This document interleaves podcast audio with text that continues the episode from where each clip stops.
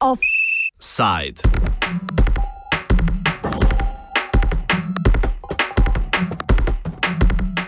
Usporedna pravica.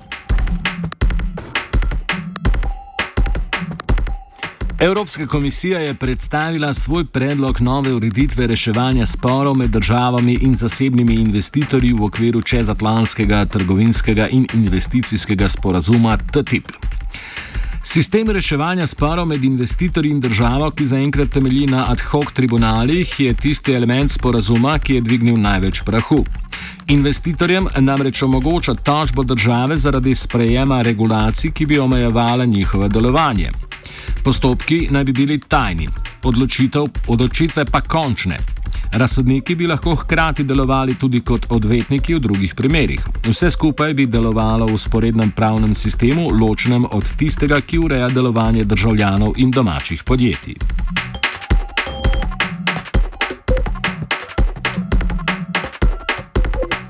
Evropska komisija je s predstavitvijo novega predloga priznala problematičnost ad hoc tribunalov in s pre predlogom novega sistema skušala odpraviti nasprotovanje.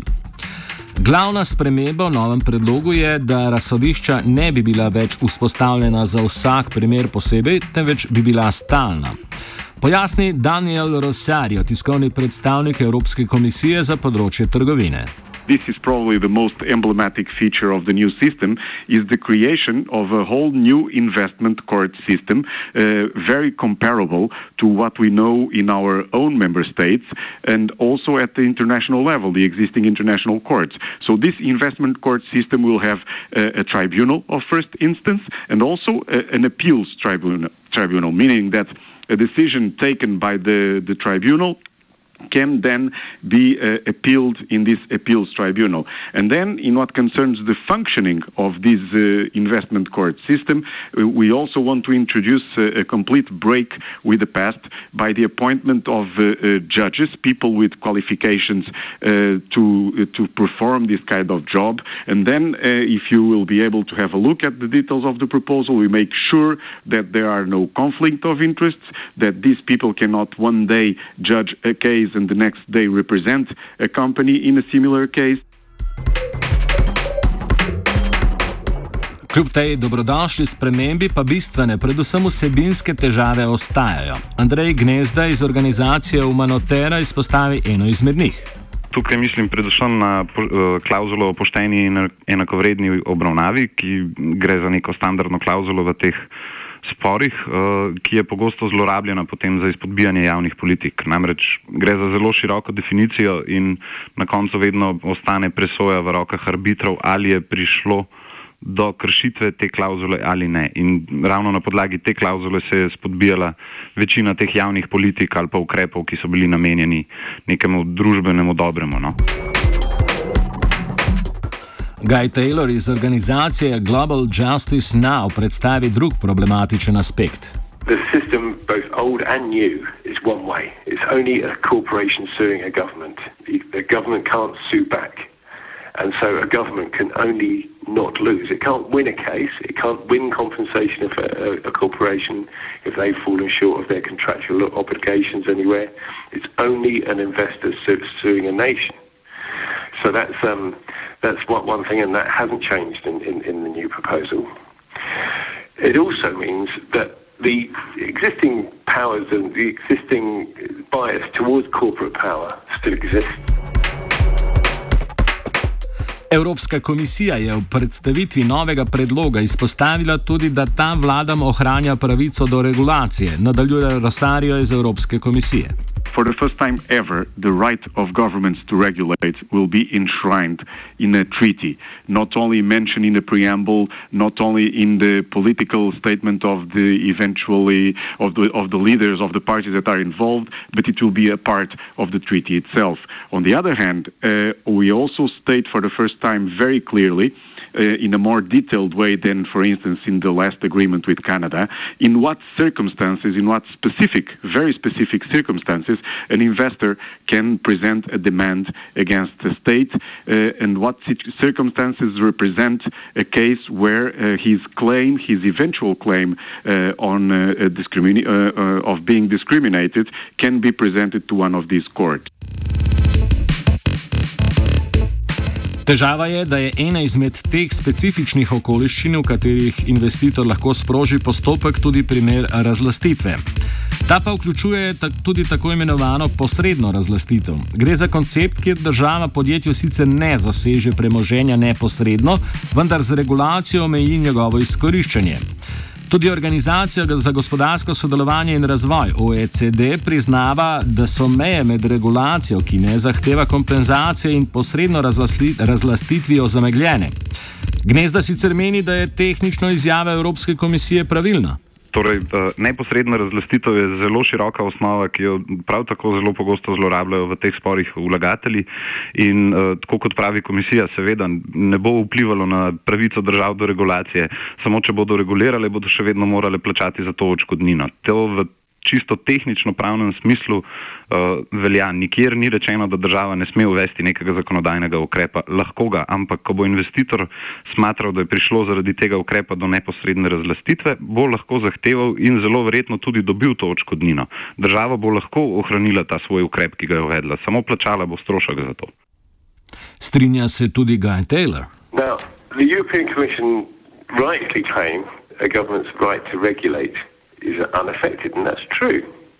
However, if they do regulate, they might be they might find themselves financially burdened by their decisions. So, take the, the example of um, of Veolia. It's a French waste corporation. It's invested heavily in Egypt, and it employs lots of people there. The Egyptian government has just re- um, increased the minimum wage and Veolia has judged that it is going to lose profits through that raise because um, they're going to have to pay more wages. And now it's suing the Egyptian government through this mechanism. There's lots of different um, examples where uh, environmental protections have been uh, introduced and uh, mining or extractive firms have said no, this isn't good enough and they've sued the government and health measures and you know many other aspects. So you know, um, Egypt's decision to raise the minimum wage is it, it is that government's right, but Veolia's right is to sue them for that decision. If Veolia can't re, re, can't uh, reverse that decision, they can only get compensation for what they might have lost in profits. So, yes, the Egyptian government's uh, right to raise the uh, minimum wage is absolute. Basically, yeah, I, I think they're technically right in saying that there is uh, there's, they they have the right to, to regulate, but there might be a, a price tag on that decision, and that's the um, that's the real problem. Tiskovni predstavnik Evropske komisije glede možnosti omejevanja pravice do reguliranja s sklicevanjem na posredno razlastitev ni bil preveč zgovoren. I would not like to elaborate on the, the particular details of uh, indirect expropriation. I think that would have to be looked against the exact details of the case at stake. Nadaljna pomankljivost nove ureditve pa je povezana z drugim prostotrgovinskim sporazumom, ki ga ravno kar sprejema Evropska unija. To je sporazum CETA, ki povezuje Evropsko unijo in Kanado.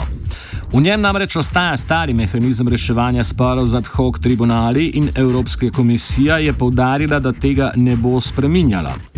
Tako bo ameriškim podjetjem s podružnicami v Kanadi omogočeno, da bodo evropske države tožile preko določil v sporazumu CETA, pojasni Guy Taylor.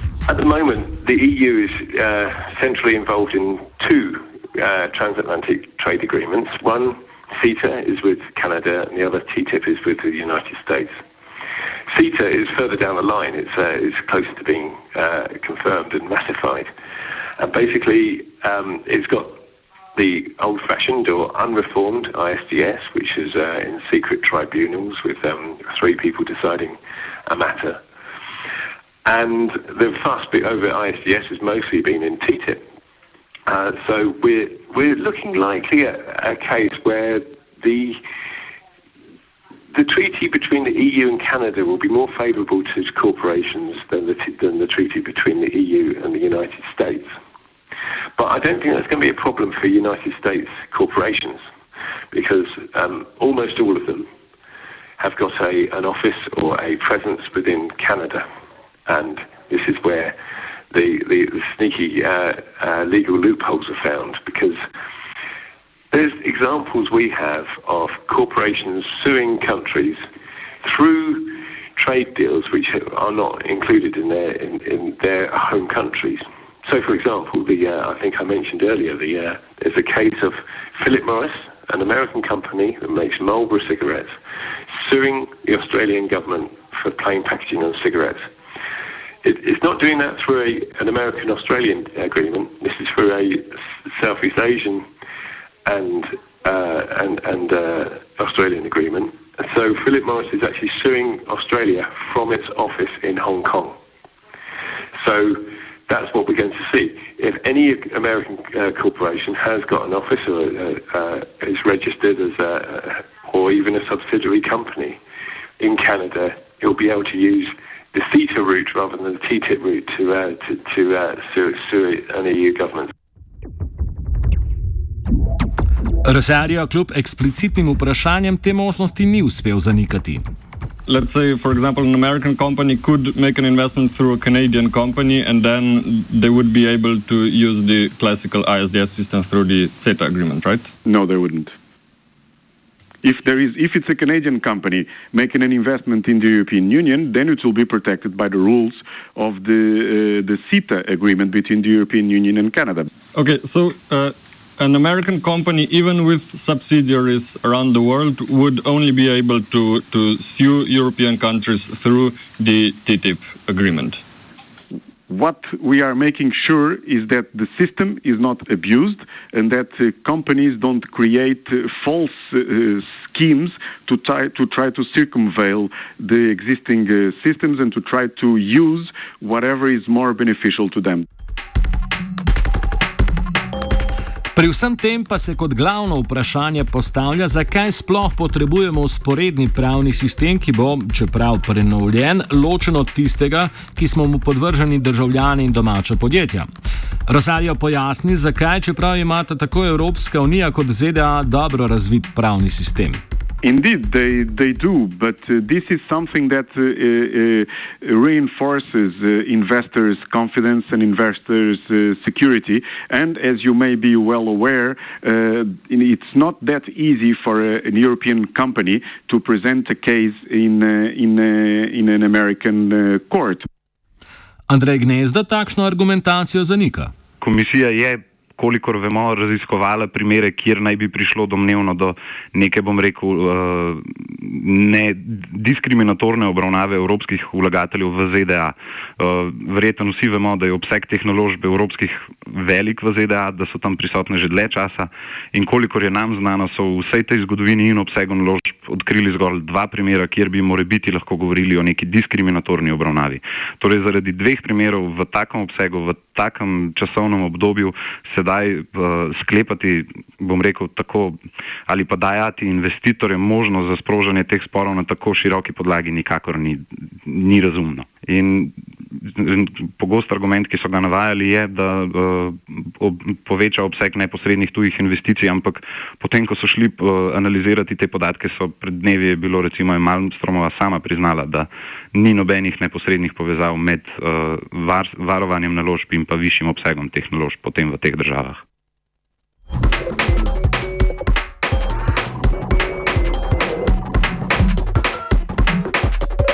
Kljub očitnim, bolj ali manj namernim luknjam, Guy Taylor predlog Evropske komisije vidi kot pozitiven, saj bo po vsej verjetnosti upočasnil sprejemanje prostotrgovinskega sporazuma. The interesting thing now is that the US side of, uh, of, of the TTIP argument, the, the, the US uh, trade representative, have actually come out and said, we're not happy with this.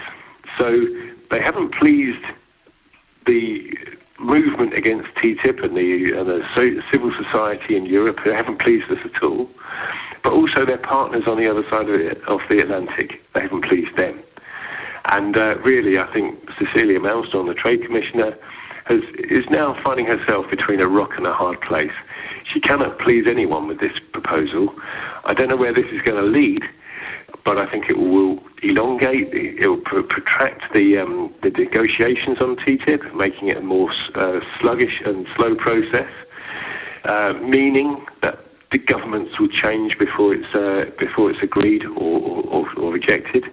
So we're quite pleased with the way things are going because we're against TTIP and we want to see we want to see this uh, pro- pro- process completely going to halt or, or, or, be scrapped entirely.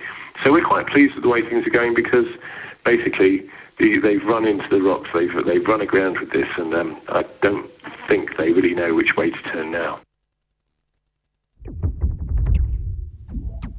Offside je pripravil Twitter.